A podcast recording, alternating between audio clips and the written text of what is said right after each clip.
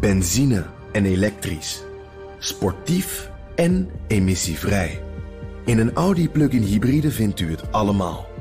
Ervaar de A6, Q5, Q7 en Q8 standaard met quattro vierwielaandrijving. Wat u ook zoekt, u vindt het in een Audi. Audi. Voorsprong door techniek.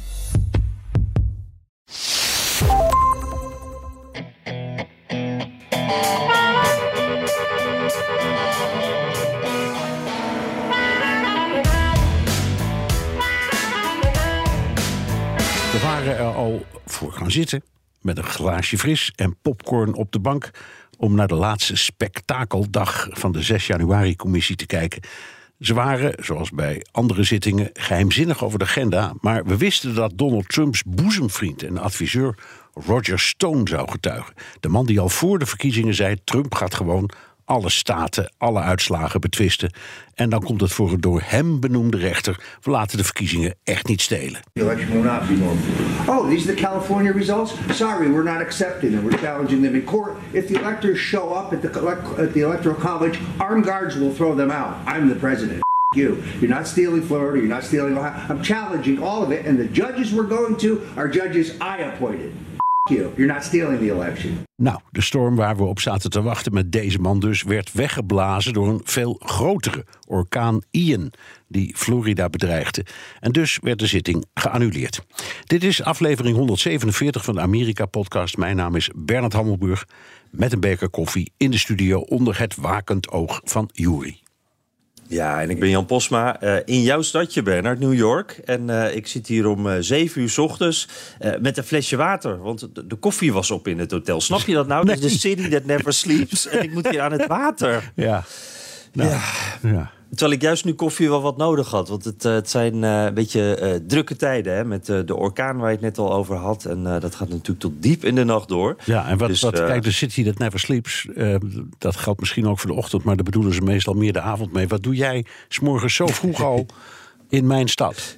Ja, precies. Ja, dat hadden we vorige week eh, niet zo gepland. Hè? Dat, eh, dat ik gewoon weer eh, hier zou zitten in New York. Ja, er kwam iets heel erg leuks tussendoor. Ik mag Jaap van Zweden interviewen. De man die aan de leiding staat van het New York Philharmonic. Hè? Wereldberoemd is hij. Zeker. En ja, dat kwam zo tussendoor. En dat is heel erg leuk. Dus ik ben heel benieuwd. Hij gaat het nieuwe concertzaal van, ja, van het New York Philharmonic gaat hij, in gebruik nemen. Ja. gaat in oktober officieel gebeuren. En hij is nu bezig om ja, de akoestiek daar goed te regelen. En eh, hoe dat dan gaat, ja, ik, dat vraag ik me af. ik ben echt heel benieuwd. Hij noemde dat zelf een acoustic safari, wordt dat dan. Je gaat op zoek naar het juiste geluid, stel Ja. ik me zo voor. Ja. Dus ik ben heel benieuwd. Ik ook, ik ook. En dat eh, Lincoln Center is eh, een kunsttempel, dus je zult je amuseren. En, Ja, ik ben en echt heel benieuwd, want ik ben er nog nooit geweest. En wanneer staat dit nu allemaal in de Telegraaf? Oh ja, dat is goed om even, als alles goed gaat en eh, er geen gekke dingen ook gebeuren met bijvoorbeeld eh, orkaan Ian, dan eh, staat dat zaterdag in de krant. Dus dan kunnen we lezen over Jaap van Zweden. En hopelijk ook wat meer over zijn toekomst, want eh, hij gaat eh, weg uit New York. Hè? Ja. En eh, hij heeft daar een hele ja, ge- gedachtegang over. Want hij had eh, tijdens corona heeft hij eigenlijk bedacht, mijn prioriteiten eh, ja, liggen niet goed op dit moment, moet nu anders. En hij heeft eh, recent bekendgemaakt dat hij ja, chef-dirigent wordt in, in Zuid-Korea. Dus ik ben heel benieuwd Ja. Ja. Wat een zijn gedachtegang daarachter is. Wat een overstap, hè? Nou, Ja. we zeiden het al. Dit zou de grote finale worden van de hoorzitting over de bestorming van het Capitool. Maar onze politieke smulpartij ging niet door. Want de commissie vond het ongepast over Donald Trump te praten tijdens een natuurramp. Eh, dat klinkt heel fatsoenlijk, maar Jan, waren ze oprecht? nou ja, het was eh, pragmatisch, laten we het zo zeggen. De, de, nette uitleg was, uitleg was eh, ja, een van de leden uit de commissie, die komt uit Florida, eh, Stephanie Murphy. die moet zich met haar district bezighouden, die is daar druk mee. Dus die, ja, die, die kan eventjes niet met die commissie bezig gaan. Maar die hoorzittingen ja, die zijn natuurlijk ook heel erg belangrijk voor, voor, vanwege de, de live-uitzendingen op televisie. Hè. Die gaan heel erg om de publieke opinie. Ook die, die, die zaak duidelijk neerleggen voor het Amerikaanse publiek. En ja, uh, jij weet dat ook. Uh, als er zo'n grote orkaan is uh, en, en er dreigt een grote ramp. Ja, dan gaan al die networks die, die stappen over. Al die nieuwsstations die hebben het dan alleen maar over die storm. die blikken daarop vooruit met, grote spanning. Die, die volgen dat op de voet. Dagenlang gaat het daarover. Het is natuurlijk ook een heel groot nieuwsverhaal. Dus die commissie was denk ik ook bang van... ja, dan krijgen we straks, komen we niet in beeld. Of je krijgt zo'n split screen, dat wij ons verhaal doen als commissie. we laten die getuigen horen. En ondertussen zie je dan de beelden vanuit Florida en alle ellende daar. Dus die dachten van ja, we kunnen het dus doen of met halve aandacht of, of, of geen aandacht vanuit de media. Uh, of we kunnen het uitstellen. Nou, dan doen we dat wel, uh, Bernard. Dan stellen we het wel uit. Ja. Hoor ik um, enige ironie, Jan?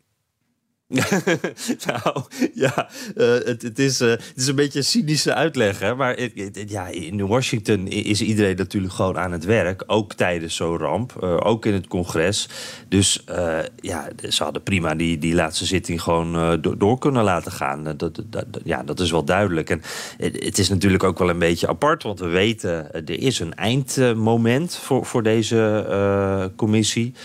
Um, dat, dat, dat duurt nog even. Begin januari, hè, dan gaat het huidige congres, is dan, uh, de huidige samenstelling is er weg. Dan hebben we verkiezingen gehad en dan komt de nieuwe samenstelling. En de kans is groot dat uh, de, de, de democraten dan hun meerderheid in het Huis van Afgevaardigden kwijtraken. Nou, voor die tijd moet dit natuurlijk allemaal klaar zijn. Dus ze zitten ook wel een beetje met tijdsnood. Ze willen dit wel ook snel afhandelen. En uh, nou, wordt dit weer uitgesteld. duurt allemaal weer langer. Dus ja, als je het een beetje los van de PR, zeg maar, los van wat voor gevolgen het in de media zou hebben gehad, hadden ze dit prima door laten gaan. Ja, ja maar goed, je kunt ook zeggen: uitstel is geen afstel. en ze kunnen die, die laatste openbare zitting best de komende weken houden ergens. Uh, we zitten iets, net iets minder dan zes weken van de verkiezingen. En, en ja, ja. Mm. Maar ze zouden kunnen het ook gewoon over de verkiezingen heen tillen. En na 8 november doen kan ook. Ja, precies. Dat, dat is ook waar. Maar ja, eh, wat we ook natuurlijk allemaal wel een beetje uh, voelen en weten, is dat die commissie ook wel, uh, daar zit een politieke component aan. Ik bedoel, dat onderzoek, dat wordt natuurlijk, ze halen gewoon feiten naar boven. Maar tegelijkertijd, wat ik al zei, dit heeft ook met de publieke opinie te maken. En wat is nou prettiger voor de Democraten dan voor die verkiezingen nog eventjes die publieke opinie te beïnvloeden en te zorgen dat het echt over 6 januari, over het verdedigen van de gaat. Uh, dat het eigenlijk dat deze midterms een beetje een referendum over Trump weer worden. In plaats van dat het over beide gaat. Dat zou ze ook wel goed uitkomen. Dus dat, ja, dat speelt dan ook allemaal mee. Ja. En uh, ja, en, en, ja, we gaan het zien. En, en er waren nog wel wat uh, dingetjes ook trouwens die, wel spannend waren uh, deze week, uh, Bernard. Want die, die verse popcorn die pakken we dan weer de volgende keer. Hè, als we mogelijk Roger Stone gaan horen. En, nou, er zijn allerlei, dus weer nieuwe informatie beloofd. Dus we zijn wel allemaal heel nieuwsgierig. maar er waren toch wel wat onthullingen deze week. En dat had met boeken te maken. En dat waren er twee. Um, de eerste, de aankondiging, uh, is dat hoor. Courage on the Fire van de commissaris van de Capitol Police, Stephen Sand. Uh, die, die, die man die heeft een boek geschreven over de bestorming. Hij werd ontslagen na die bestorming, of stapte op, dat weet ik eigenlijk niet meer. Nee, hij, hij, hij is, ja, hij, hij is gedwongen tot, tot aftreden, laat het zo zeggen. Hij is ontslagen. Ja, precies. Ja. ja geheel vrijwillig was het niet. Nee. En hij, hij schrijft in dat boek over ja, hoe, hoe zij als politie eigenlijk dit nooit hadden kunnen doen het kapitool verdedigen. Hoe ze eigenlijk niet goed voorbereid waren. Hoe ze niet genoeg hulp hebben gekregen. Hij zei van ja, hier heb je militaire steun voor nodig. Als je eigenlijk met een, een, ja, een bestorming te maken hebt. Dan, dan ja, zijn die paar agenten van de Capitol Police echt niet genoeg. Nee. Dus hij schuift de schuld af. Ja, en ook, uh, en ook op de FBI. Uh, ja, precies. Ja. Die geeft hij ook de schuld. Ja. Ik, ik heb alleen nog maar een reclame gezien van het boek. Is het al te koop? Nee, nog niet. Nee. het, is, uh, het komt dus uh, drie dagen voor 6 januari. Dus uh, als we ongeveer het jubileum hebben. Ja. En de aankondiging is wel ronkend hoor. er staat in: Never before heard accounting of a call from the White House during the siege. And never before detailed conversations between himself and congressional leadership. Dus daar zullen ze bij de commissie toch ook wel ge heel geïnteresseerd naar Ja, kijken, naar deze aankondiging. Nou, misschien hebben ze het manuscript mogen inzien. Dat zou me niks verbazen. Dat gebeurt dus. Ja, als ze. Eh, ik, ik kan me ook niet anders voorstellen dan dat ze deze man eh, gesproken hebben. Nee. Eh, maar er staat voor, voor ons hopelijk nieuwe informatie. Ja. Dat is toch wel weer interessant. en wat, en wat is het andere boek? Je had het over twee Ja, boeken. ja. Ja, precies. Want daar werd de 6 januari-commissie door verrast. En dat maakt het wel heel spannend en saillant. Eh, Denver Riggleman heet de man die het boek The Breach heeft geschreven. En dat is dinsdag al uitgekomen. En hij is een oud congreslid, eh, een republikein. Hij, hij werkte mee aan eh, het onderzoek. gewoon als staflid, zeg maar. Acht maanden heeft hij meegewerkt. En... ja, hij heeft eigenlijk, eh, zonder dat al zijn collega's te vertellen, heeft hij stiekem een boek geschreven over zijn werk in de commissie. En ja, daar zijn andere leden van de commissie natuurlijk echt not amused over. Eh, er wordt zelden gelekt hè, uit die commissie. Ze zijn heel slim met hun PR. Eh, ze, ze, ze zor- het is echt een, een tight ship, zeggen ze Ja, dan. ja, en ze hebben ons ook al die tijd voortdurend weten te verrassen. Hè? Elke keer als die Ja, zitting begon, je... hé, hey, verhip, ik zie iemand... dat had ik nooit gedacht dat ik dat zou horen. En het gebeurt elke keer weer. Dus Ja, dat, dus dat wel- hebben ze, hebben, wat dat betreft, hebben ze inderdaad, is het, eh, nou ja, waterdicht. Ja, terwijl er zoveel gelekt wordt natuurlijk constant in Washington. En dit, ja, dit hadden ze dan echt goed voor elkaar, tot dit moment dus. En dat boek dat leek dus even uit te komen deze week vlak voor die laatste hoorzitting. Dus dat is echt een. eh, nou, in het zicht van de haven gaat het dan nog mis, zullen we maar zeggen. Nou, die hoorzitting is dan uitgesteld. Maar eh, dit boek heeft wel veel aandacht gekregen. Er, stond bijvoorbeeld eh, ja, de, onthulling in dat het Witte Huis op 6 januari met een van, ja, met in ieder geval één bestormer heeft gebeld.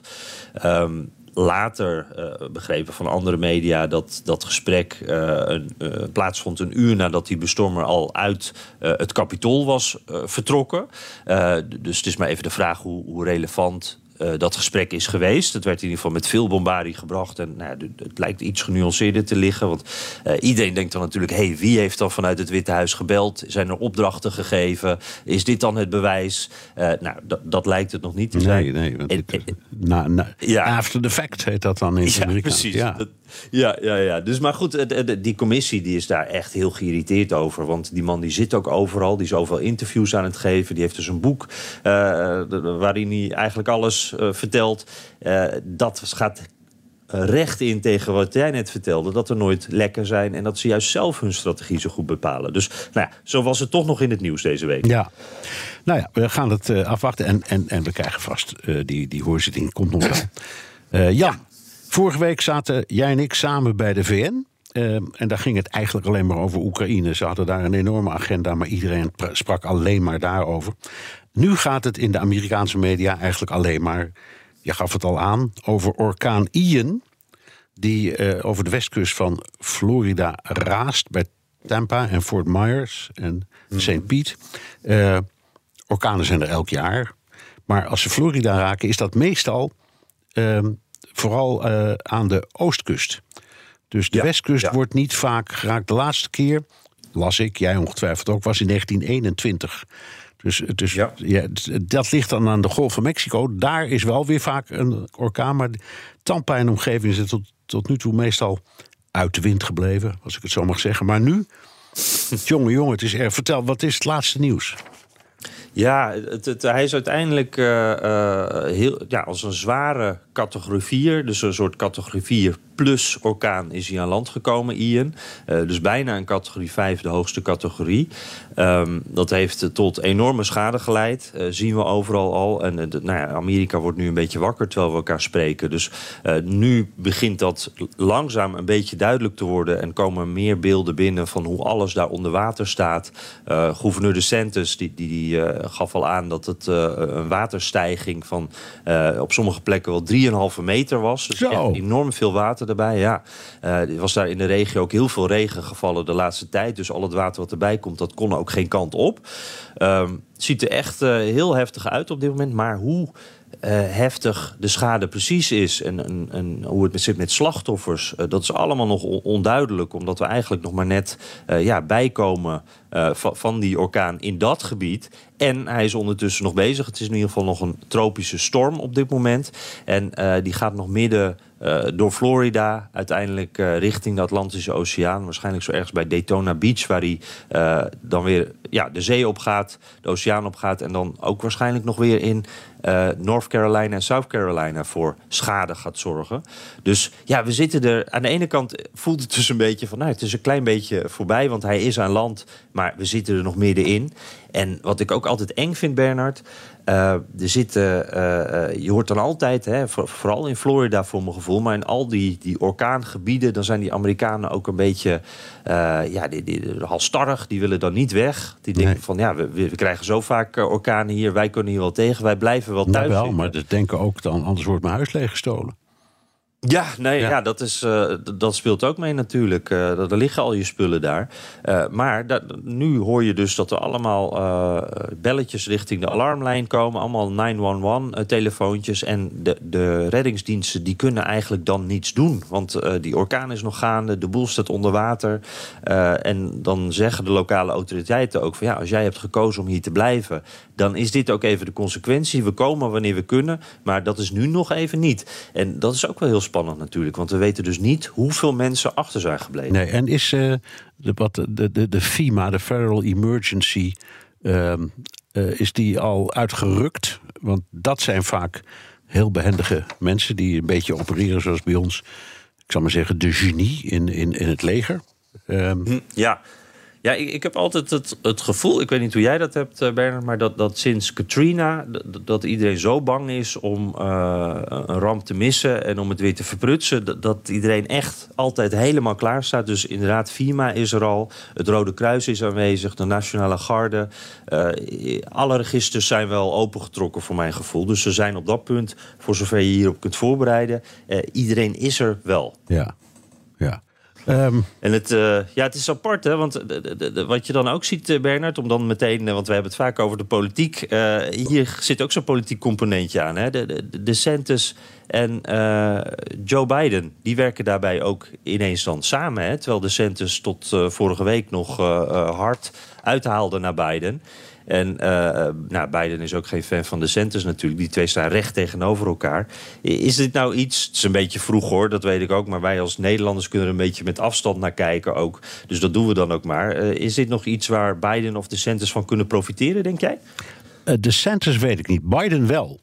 Maar dan moet hij doen wat Obama heeft gedaan tijdens de orkaan Sandy.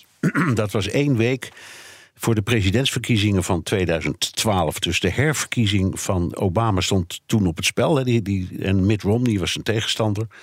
Um, en Sandy sloeg toen uh, toe in New Jersey en New York. Wat, dat komt bijna nooit voor. Die dat was vlak voor de verkiezingen, hè? Ja, zeven uh, dagen voor de verkiezingen. Ja, en Ik, ik zat daar toen, nou ja, op de plek die jij kent, op 18 hoog. Uh, ja. En het, we, we hebben toen nog een uitzending gemaakt. Ja, ja was het, toen, het uh, viel allemaal bij mij nogal mee. Alleen je moest, de lift werkte niet, dus je mocht, moest 18 verdiepingen omhoog en naar beneden lopen. Uh, oh, moet maar, je niet je portemonnee vergeten? Nee, nee, of je sleutels, wat dacht je daarvan? Nou ja, oké, maar, maar goed. Uh, um, wat, wat het meest opmerkelijke was, wat iedereen zich ook herinnert, is dat Obama toen naar New Jersey ging om persoonlijk te kijken hoe erg het was. En die is een paar dagen lang door de ravage getrokken met de Republikeinse gouverneur Chris Christie. En die was een, um, een uh, tegenstander van Obama en die had ook in de campagne gekozen voor uh, Obama's tegenstander uh, Mitt Romney. Um, en uh, nou ja, die gingen dus hand in hand, bij wijze van spreken, langs al die rampgebieden. Um, en nou ja, iedereen in Amerika, ik geloof jij en ik destijds ook, zeiden ja, Obama heeft eigenlijk zijn herverkiezing gewonnen door, door Sandy. Als dat er niet was. En ook zeker door die wandeling van uh, die wandelingen van Obama samen met Chris Christie. Uh, en Christie, kun je zeggen, heeft Obama aan zijn overwinning geholpen. En dat maakte woede, uh, Christie woedend. En die reageerde daar zo op. When the president of the United States calls you which he did the day after the storm. And he said, Governor, I want to come to New Jersey and see for myself what happened. Will you meet me? Now, let me ask all of you what the hell would you think of me if I said, No, excuse me, Mr. President, I've endorsed Mitt Romney for President of the United States, and it's seven days till the election. And while I'd love to have you come to New Jersey and have me show you personally the devastation that's happened to my state, instead, I think some people will take that the wrong way. So, would you please not come, or if you want to come, you can go around with somebody else? I mean, I got to tell you something. It never crossed my mind. Ja, Jan, dat is het was een heel, heel interessant moment. Um, en ik, ik zou zeggen, laten we nou eens goed kijken wat Biden doet. Gaat hij bijvoorbeeld naar Florida? Uh, dat zou heel handig van hem zijn. In de eerste plaats is het uh, vanuit menselijk oogpunt heel, heel goed als het staatshoofd gaat kijken naar zo'n rampgebied. Maar over nog geen zes weken zijn er verkiezingen. En het levert ongetwijfeld ook voor zijn partij, de Democraten, uh, verkiezingen op. Dus ja, er is, als, als, nou ja, als, handig, als hij handig is, dan kan hij er garen bij spinnen, zo gezegd. Ja, ja, want stel je eens voor dat uh, Ron DeSantis en Joe Biden hand in hand uh, daar lopen. Uh, langs de kust van Florida uh, een paar weken voor de verkiezingen. Ik kan het me niet voorstellen, maar dat zou, uh, ja, dat, dat zou ineens de bruggebouwer Biden, waar we wel een beetje weer afscheid van hadden genomen, die zouden misschien wel weer een beetje terugkomen. Dat zou ja. toch een nou, fantastisch ten, beeld zijn voor die verkiezingen. Dat is waar, maar tenzij de Sanders doet wat, wat, wat Chris Christie net in dat fragment ook zei. Je had, je had ook kunnen zeggen, u bent niet welkom en als u wel wil komen, dan ben ik er niet. Dan gaat u maar met iemand anders op stap. Dat zou de Sanders ook kunnen doen, hè? Ja, maar goed, dat, die kant dat, zit er wel in. Want die kant zit erin, maar, dan, dat, ja, maar ja. Dat, dat is dan toch, denk ik, verliespunten voor de Centers. Het wordt sowieso interessant, want voor de Centers is dit ook wel toch een, een testmoment. Zo'n grote ramp in zijn staat. Uh, ja, dit is zo'n moment om zich te laten zien. Ja. Dus ik ben wel heel benieuwd hoe dat loopt. Ja. ja. Hey, en, en, en terug naar wat je net zei, Bernard. Uh, die, orkanen zijn er elk jaar. Dit jaar is uh, gek genoeg een vrij rustig orkaanjaar. Hè. We zijn qua letters uh, veel minder... met Ian zijn we nog veel minder, minder ver in het alfabet dan, dan sommige andere jaren. maar dat orkaanseizoen, dat, dat is gaande. dat, dat, dat, dat is ook iets waar iedereen aan gewend is. Vooral in die gebieden daar. Um, en iedereen moet dan evacueren daar. Dat, dat zijn in dit geval uh, miljoenen mensen die, die weg moesten. Uh, we hebben de beelden gezien, chaos op de weg, files de steden uit, alle hotels zitten vol. Die opvangcentra, waar, waar ook uh, door burgemeesters en, en, door de centers volgens mij ook voor werd gewaarschuwd van jongens, dit is geen hotel, dit is het minimale, maar er is in ieder geval wat. Het, het is in ieder geval nooit genoeg ook. Ik denk dan toch altijd, Bernard, wat doen die mensen zichzelf aan als je dit ja nou, misschien wel elk jaar of om de paar jaar mee moet maken. Waarom verhuizen die mensen gewoon niet? Nou, jij komt ook wel eens in, langs die kustgebieden... en dan zie je ook overal van die verkeersbordjes staan... evacuation route. Dus dan weet je al op het moment dat je er aankomt, als, je, als er zoiets gebeurt, dan is dit de route die je moet nemen. Uh, bijvoorbeeld met de auto, hè, of lopend, of met de fiets, om eruit te komen. Ja. Zelfs in Washington hebben we die, wat altijd heel raar Ja, maar, precies. Maar ja, dat is dan misschien meer tegen een atoombom, weet ik niet. Maar het, het, het, kan allemaal gebeuren natuurlijk. En we hadden het net over New York, New Jersey, het kan overal gebeuren. Maar ja, waarom, waarom gaan die mensen weer terug? Omdat ze zo prachtig wonen. Het is daar schitterend langs die kusten.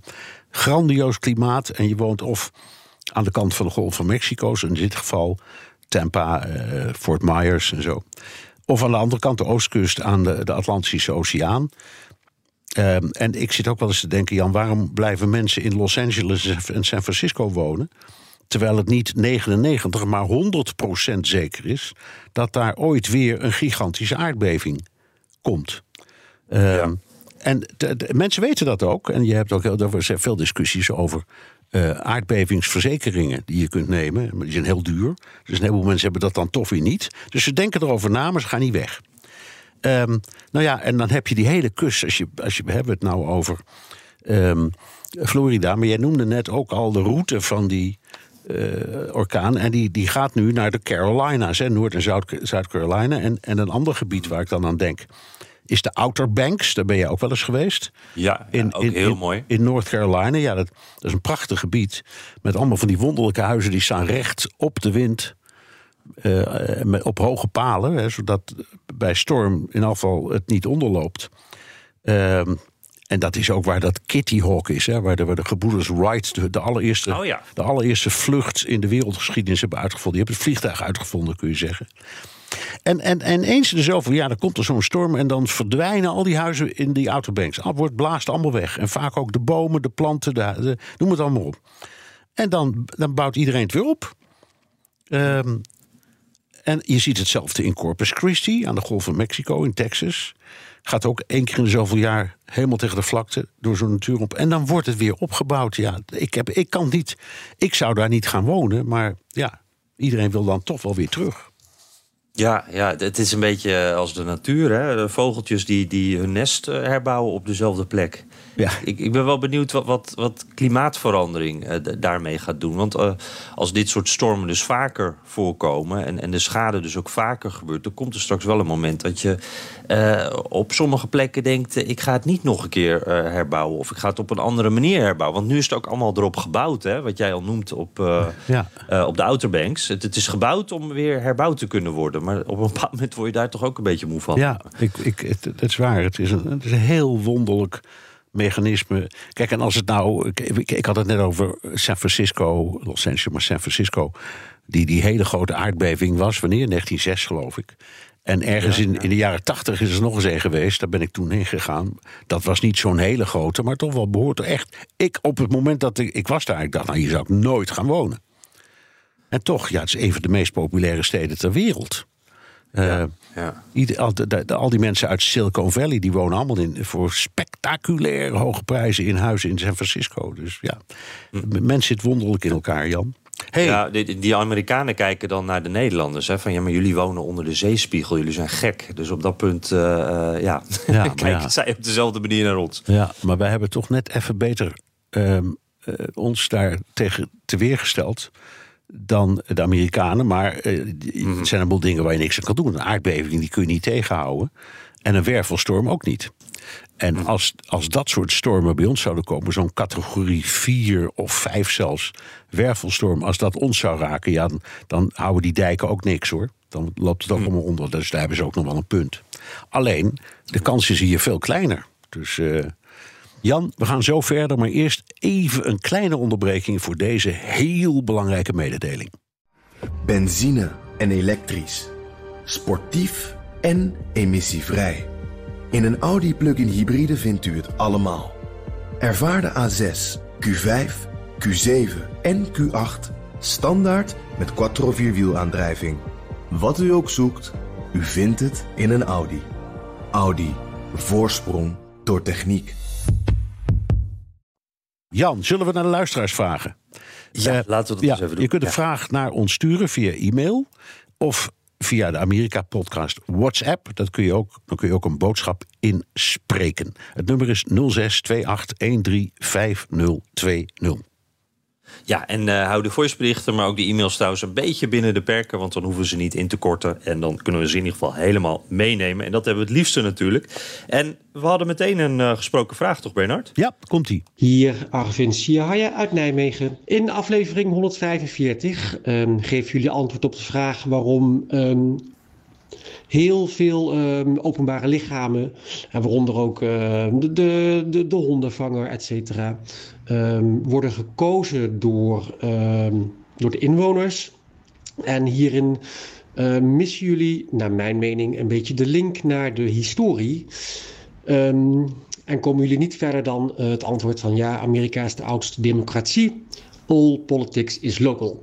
Ehm, toen deze vraag kwam, dacht ik, ah, nu gaan jullie de link naar de historie leggen, namelijk.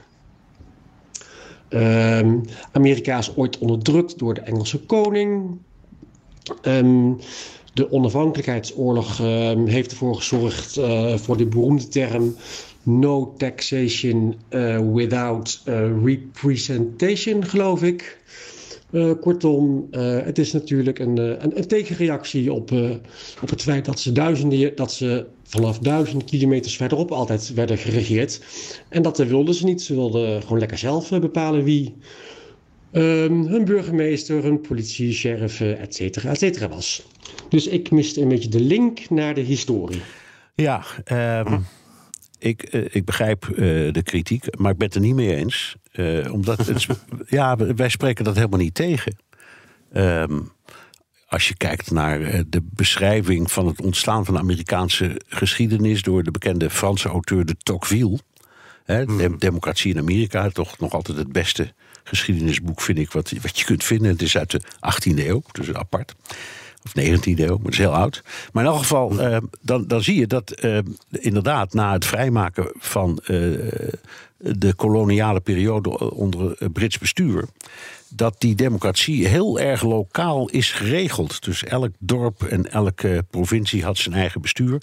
Aanvankelijk ook met beperkingen van termijnen. Je mocht, iedereen mocht maar één termijn dienen. En dat was de oorspronkelijke opzet. En iedereen had uh, kiesrecht, passief en actief, eh, als je eh, volwassen was. Ehm, dus het was eigenlijk heel vooruitstrevend. En inderdaad, daar vielen alle functionarissen onder, ook de lokale sheriff en ga zo maar door. En dat is vastgehouden. Ehm, alleen, de, de, de, vraag is, dit gaat dan, de, de vraag die wij kregen is waarom kiezen ze ook de sheriff en ook het schoolbestuur en weet ik wat allemaal. En het antwoord was omdat de Amerikanen de overtuiging hebben dat alle politiek inderdaad plaatselijk is. Uh, en dat je dus als kiezer ook uh, moet weten wie jouw rechter is en wie jouw sheriff is en wie er in de, uh, het plaatselijke schoolbestuur zitten enzovoort. Dus het spreekt elkaar niet tegen. Ehm, maar goed, ik, ik, ik vind het leuk dat, je, dat hij reageert. En ja, bedankt. Ja. Is, is, de, is de conclusie eigenlijk dat Arven en jij het eigenlijk wel met elkaar eens zijn? En jullie zeggen het in andere woorden? Ja, ja, dat kun je ook zeggen. Zeker. Ja, ja, ja, Oké. Ja. Dankjewel Arvin voor deze vraag. Uh, Randy van der Putten. Uh, die zegt uh, tijdens mijn laatste reis langs de oostkust van de VS las ik de Smart Guide, Alex Guide to American History. Ik kende die niet, Bernard. Nee, Ken ik ook niet. boek? Nee, ik ook nee. niet.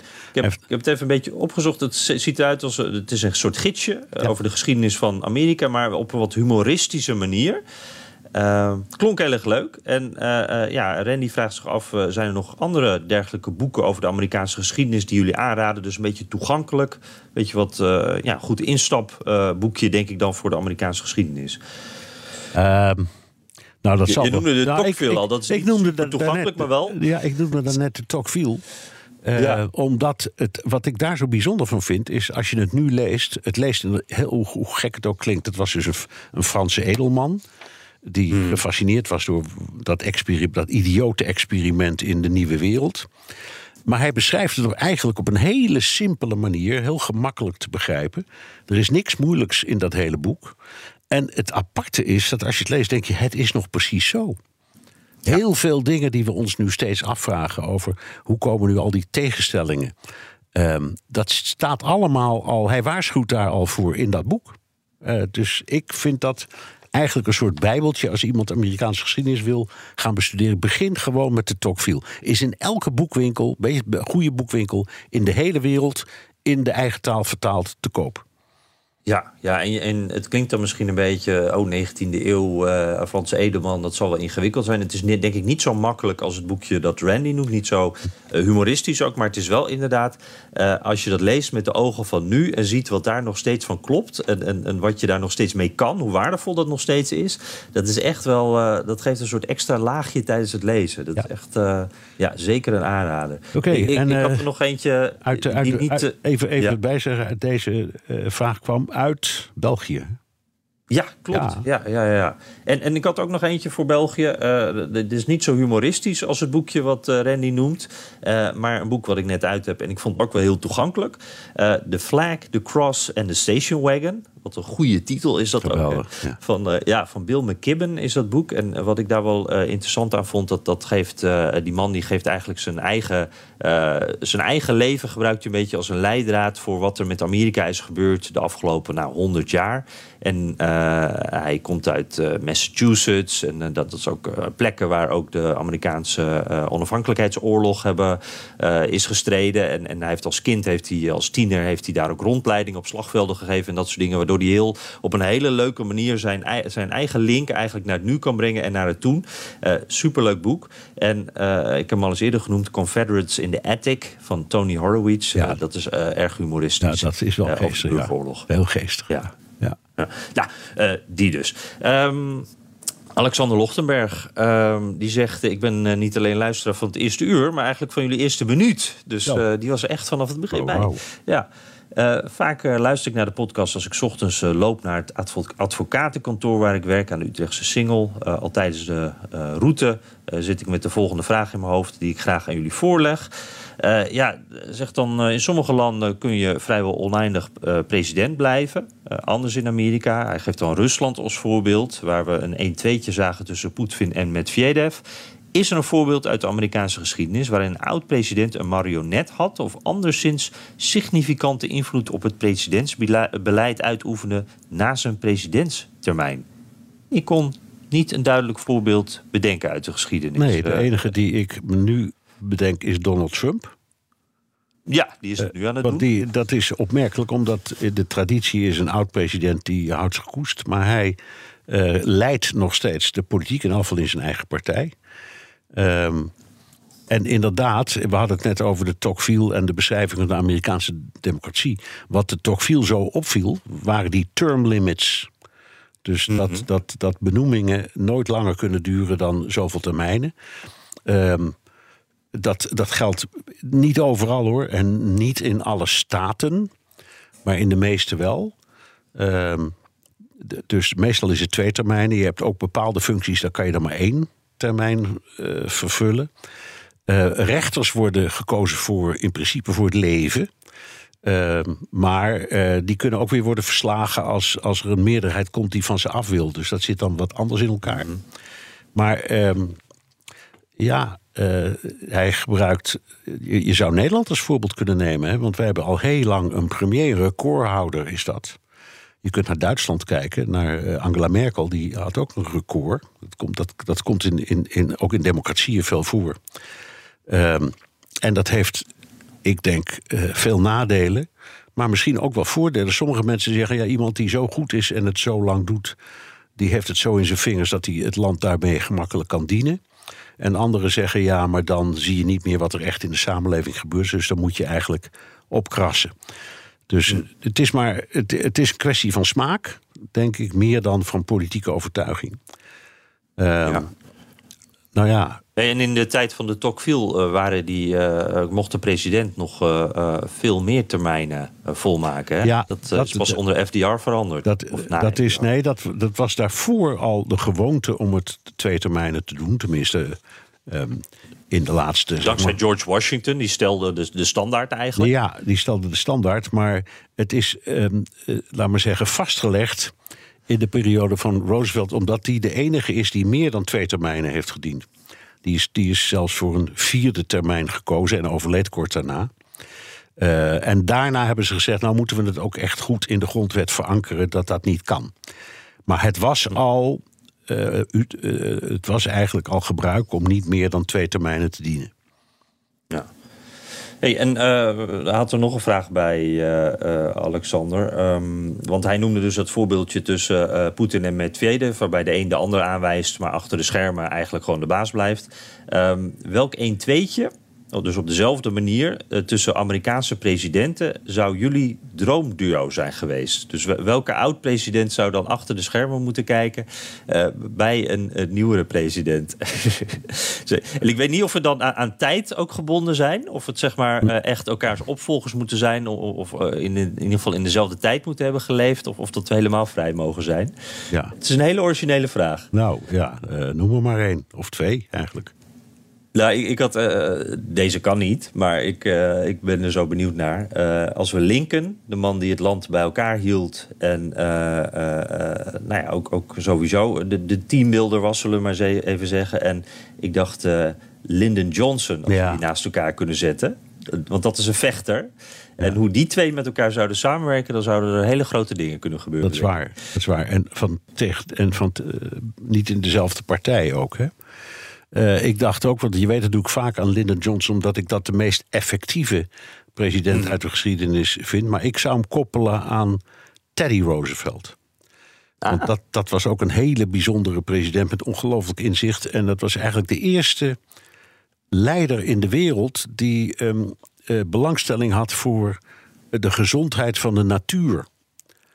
Echt een natuur. Nationale parken. Ja, de nationale parken heeft hij gerealiseerd. En die was zijn tijd dus, nou ja, misschien wel 150 jaar vooruit.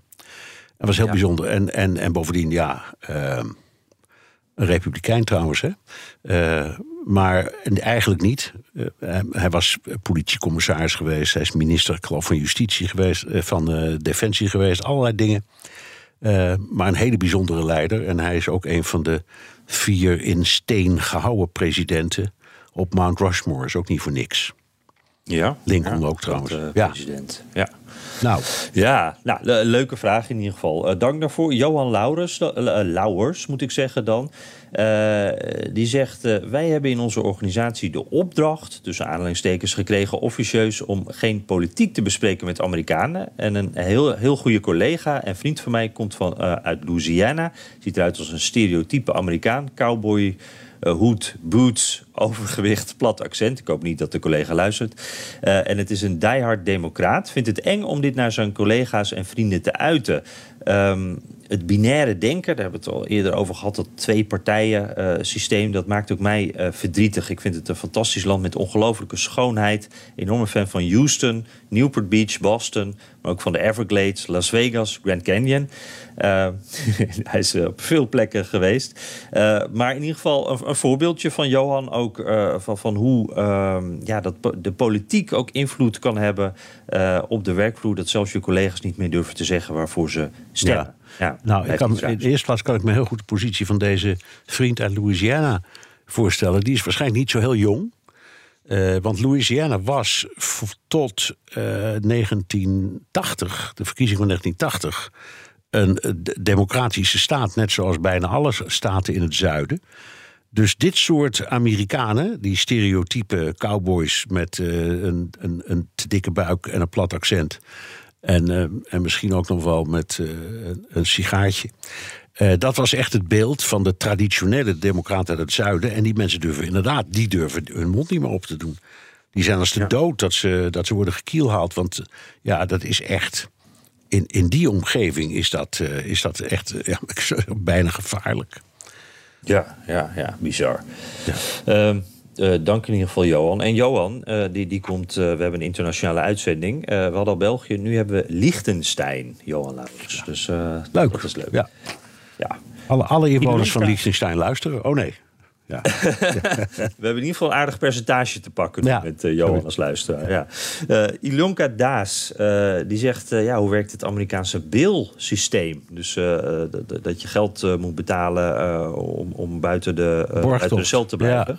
Ja, precies, borgtot, dat, dat zocht ik. Ik zie vaak in films dat verdachten bail betalen om, om borgtot... toch, sorry, het is nog vroeg, Bernard. Ja, struikel ik in enthousiasme over mijn stemmen. Dat is de koffie die ik mis. Om op borgtocht vrij te komen, krijg je dat bedrag ook weer terug? Of ben je dat helemaal kwijt? En ze luistert altijd tijdens het breien. De Poes vindt het ook een leuke podcast. dus groetjes aan de Poes. Ja, ja. Ehm, in, in, in- in- in principe heeft iedereen recht op borgtocht als er een justitieel onderzoek wordt eh, ge- gevoerd. Dus je wordt gearresteerd, dan word je in staat van beschuldiging gesteld en dan gaat de rechter kijken of er vluchtgevaar is of andere belastende factoren. Als, die, als dat niet zo is, dan mag je weer weg totdat de zaak voorkomt. Maar om te zorgen dat je dat, om je te verzekeren dat je hem niet smeert, wordt er inderdaad borgtocht gevraagd. En dat zijn vaak hele forse bedragen. Als het mensen betreft die dat geld hebben, dan betalen ze dat gewoon. En als de rechtszaak afgelopen is en ze winnen, krijgen ze gewoon weer terug. Ehm, er zijn ook, de meeste mensen kunnen dat niet betalen en die nemen dan een, een eh, dat heet volgens mij een bond, dus een, een, een, eh, een eh, bailbond. Dat is dus een soort Ja. obligatie. Dat Lening, loopt ja. via, via een speciale bailverzekeraar. En da- Bondsman. ja, en dan wordt er dus eh, beslist, zegt de rechter vaak... je moet, weet ik wat, eh, 10.000 dollar borg betalen... maar dan betaal je maar 10 procent. Ehm, en dat doet die verzekeringsmaatschappij. En ehm, als je dan de zaak wint, krijg je je geld weer terug, minus eh, wat die verzekeringsmaatschappij heeft voorgeschoten. Want dat is het inkomen van de verzekeringsmaatschappij. En daar zit, als je erover. Ja, het gaat gewoon even om hoe je tegenover het hele idee staat. Maar als je even door de Amerikaanse bril kijkt, is dat wel redelijk. Want je verzekert je dus tegen enorme grote bedragen. Die verzekeraar die moet ook leven. Dus dat voorschot, dat is, weet, laten we zeggen, 1000 uh, dollar of zo. Dat ben je dan kwijt, maar ook als je gewonnen hebt. Maar uh, als er nog meer is, in de pot is gegaan, krijg je dat weer terug. Of de verzekeraar die zorgt dat dat allemaal wordt verrekend, keurig netjes met de rechtbank. Heb je geen omkijken meer naar. Dus uh, ja, het, het, het, klinkt ons allemaal een beetje louche in de oren, maar zo werkt het. Ja, ja. zeker. Ja. Ik vind, je zegt verzekeraar, dat zal het voorbeeld zijn, maar ik heb altijd een heel louche beeld bij die, die uh, ja. bondsmen. Ook. Ja, dat, die, uh, dat zijn bondsmen, ja, die zitten allemaal in, in, de buurt van gevangenissen, vaak in dezelfde straat. Ja. Ja, ook vaak in foute buurt. Ook deze, bij deze meteen maar de oproep. Want ik ben altijd heel benieuwd hoe dat nou echt in zijn werk gaat. Uh, ben je een bondsman, een uh, luisteraar van deze podcast? Meld je even. Dan ben ik heel benieuwd naar hoe dat uh, in de praktijk gaat. Ja. Leuke vraag in ieder geval. Um, ja, als we nou heel snel zijn, dan kunnen we de, nog precies de twee laatste meepakken. Henry Spaan, uh, die, zegt, uh, die maakt sowieso de vergelijking met de fireside chats als hij naar ons luistert. Zo. Dus dat, uh, welke president was dat ook alweer? Was dat Roosevelt? Franklin Roosevelt, ja, die, die, ja, die hield kleine toespraakjes, die werden gefilmd. nog op ouderwetse film voor het volk. En dan zat ja, hij naast een open haard. Nee, het? op, ja. nee, dat was, dat was op het, ik denk het bioscoopjournaal. Ah, oké. Okay. En dat deed hij dan bij een open haard. En uh, achteraf bleek dat dat allemaal een decor was. Dat was speciaal daarvoor gebouwd. Oh. Dus het was helemaal niet een echte open haard die onderdeel uitmaakte van het Witte Huis of zo. Uh, dat, toen al. En die fireside chats die waren geniaal vaak. Um, en het is opgepakt. Bijvoorbeeld uh, Ronald Reagan die had een wekelijks radiopraatje. Um, hm. Ik geloof Bill Clinton deed dat ook. Er zijn verschillende presidenten ja. geweest die het thema hebben opgepakt. En zeiden, nou, ik doe gewoon één keer in de week een, een podcast in mijn eentje. Ja, en het ja, zouden we nu zeggen. En, en uh, die, die worden dan ook goed beluisterd hoor. Ja. Prima idee. Ja, toen Ja. had je natuurlijk ook, dat was het belangrijkste medium dan wij. eh Nou goed, dat, dat was nog niet eens de vraag van Henry. Ehm, hij had nog een eh, luistertip ook, de podcast Wicked Game. Dat gaat over alle presidentsverkiezingen van, eh, vanaf George Washington, dus echt vanaf het begin. Eh, en naar aanleiding daarvan heeft hij eh, twee vragen waarvan ik nou, de eerste gewoon maar even meepak. Hebben jullie wel eens de vergelijking gehoord of gezien tussen Trump en president Jackson? Overeenkomst, er zijn overeenkomsten met populisme, beschuldigingen van gestolen verkiezingen en een bestorming van het Capitool. Trump had niet toevallig ook zijn portret, Ja. eh, dat van Jackson dus. Het, het antwoord, ik weet niet of jij het je nog herinnert, maar ik wel. We hebben het erover gehad in Ja, deze podcast. al even geleden. Ja, het is een tijdje geleden, maar toen, Ja. toen, toen Trump net president werd, geloof ik, hebben wij hierover gesproken en inderdaad ook die vergelijking gemaakt. Klopt, en Jackson staat ook niet bepaald bekend als de beste president uit de geschiedenis, zal ik maar zeggen. Was ook nog eh, betrokken bij allerlei schandalen, eh, even uit een of ander seksschandaal. En ehm, eh, en iemand, misschien zijn vrouw, dat weet ik niet meer helemaal zeker, die bleek, eh, of hij bleek bigamie te hebben gepleegd, omdat ze dachten Oh, dat, er dat er een scheiding was uitgesproken en dat bleek niet het geval te zijn. Afijn, allemaal schandaaltjes die om hem heen hingen. Als president heeft hij het helemaal niet zo slecht gedaan hoor trouwens. Maar goed, hij had een, laten we zeggen, in morele zin was, het, eh, was hij goed vergelijkbaar met zijn bewonderaar Donald Trump. Ja, precies. Er komen wat over. Ik, dat wist ik helemaal niet. Bij hem moet ik altijd aan eh, de- die Indian Removal Act denken. Ja. De, de, het vechten tegen de Indianen en, en het, het verwijderen van de Indianen eigenlijk. Dat is ook waar hij... Eigenlijk heb je gelijk. Historisch gezien is dat natuurlijk een, een misdaad van eh, enorme proportie. En dat is veel belangrijker dan al die andere dingetjes. Ja, ja. ja, nou goed. Maar dat andere wist ik niet. Dus dat, eh, dat- daar moeten we het nog maar eens over hebben. Over het, eh, het huwelijk van, van Andrew Jackson. Ehm, H. van den Bor die zegt... wat ik graag zou willen weten... is er of bij de Democraten al fulltime werk wordt gemaakt... van een opvolger voor Biden. Moet bij de Democraten toch talent rondlopen... die met een gedegen training en opleiding het kan opnemen... tegen een Trump die van alle kanten beschadigd is. Eh, zeker als je bedenkt dat je nu al weet... wie de meest waarschijnlijke tegenstander gaat worden. Ja. Dus ja, Ja. ook het Nou, terugkerend thema. Hè? Ja, nou, jij en ik hebben de afgelopen week ehm, een, een stukje. Ik geloof dat ik jou een stukje had gestuurd, of jij mij, dat weet ik niet meer. Dat ging helemaal hierover uit een van de kranten. En die, dat was een lijst gemaakt van potentiële opvolgers. En wat mij zo opviel was het totale gebrek aan fa- fantasie. Het waren allemaal de usual suspects. Eigenlijk heel veel kandidaten van de vorige keer. Die stonden gewoon weer op Ja, die lijst. precies. En Ja. ik, ik dacht toen dan bij mezelf, het kan, kan, dit kan toch niet waar wezen? Hebben ze nou echt niet eh, precies eh, zoals meneer of mevrouw van der Boer, dat weten we dus niet, schrijft. Maar- eh, een beetje, kunnen ze niet een beetje iemand trainen? Of kunnen ze niet een jong talent ergens vandaan halen en lanceren? Daar verbaas ik me altijd over hoor. Ehm, Ja. Zo'n groot land en dan komt dit eruit. ja, en er komt, eh, er komt dus nooit, een, laten we maar zeggen, een Macron-achtig verschijnsel op de proppen. Hè, wat jonger. nou ja, nooit wat- Obama was natuurlijk. Obama was er ook zo een, ja, dat is waar. Ja, dus, dus het is, ik ben helemaal, ik ben, de vraag is goed en het antwoord is, ik kan alleen maar zeggen jammer, maar eh, wij zien ze nog niet. Nee, nee. Het- is echt inderdaad. eh, Want de usual suspect, dat- dan hebben we het ook meteen over de vicepresident, hè, Kamala Harris. Maar die staat er ook. Dat, dat is ook nog niet de meest populaire persoon op dit moment. Die heeft ook nog niet zo overtuigd. Vorige keren kwamen we ook wel eens uit op van. Nou ja, als dan iemand. Pete Buttigieg. Ja, die staat, die staat nu ook weer op het lijstje. Die is waarschijnlijk een hele Ja. grote kanshebber. En dat Ja. zou, ook, zou ook best een goede zijn hoor, daar gaat het helemaal niet om. Ehm, Maar ja, dan zie je ook weer Sanders en je ziet ook weer Elizabeth Warren. En eh, de- ja. die, die, die, die, die zijn toch inmiddels ook rijp voor het bejaardenhuis. Hè? Dus de, de, de hele geriatrische afdeling die komt ook weer op de proppen. Ja, precies. Inclusief Biden zelf. Inclusief Eh, Biden zelf, die, ja. die het ook nog steeds niet wil zeggen dat hij het niet gaat doen. Maar eh, nou ja, goed, dat hebben we al eerder over gehad. Dat kan ik me echt niet voorstellen. Dus er zal toch iemand moeten komen. Maar eh, ja, we, we houden het in de gaten, H. van der Boor. Eh, en dit blijft eh, de, de, de rode draad ook, denk ik, voor nog wel een, eh, een flinke periode. Want eh, wij zien hem nog niet. Eh, dan hebben we hem gehad, eh, Bernard, deze Ja. Amerika-podcast. Had je nog recensies, Jan? Nee, eh, dus eh, als je weer eens een recensie achter wil laten, heel graag. Dat kan het eh, makkelijkste via Apple Podcast. Maar ook nog even wat anders, want dat waren we vorige week helemaal vergeten. Ehm, wij willen graag genomineerd worden voor de Dutch Podcast Awards. Ehm, dat is altijd een heel grote eer om in ieder geval in dat lijstje te staan. En dan kunnen, als we genomineerd zijn, dan kunnen we uiteindelijk ook, eh, dan kan er op ons gestemd worden om uiteindelijk die award dan te winnen.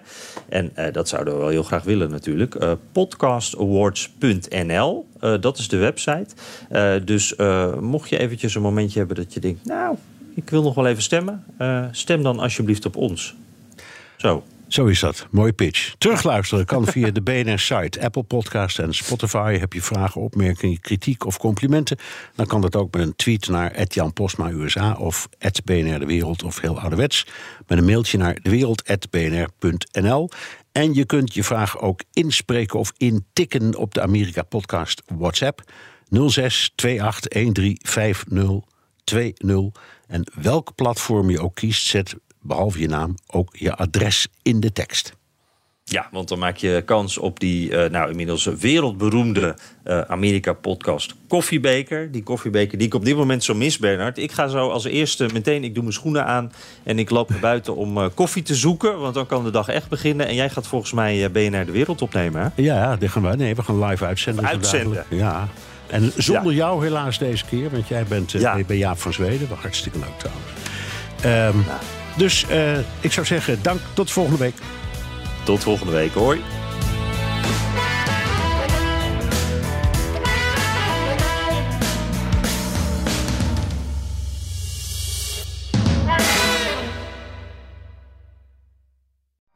Benzine en elektrisch. Sportief en emissievrij.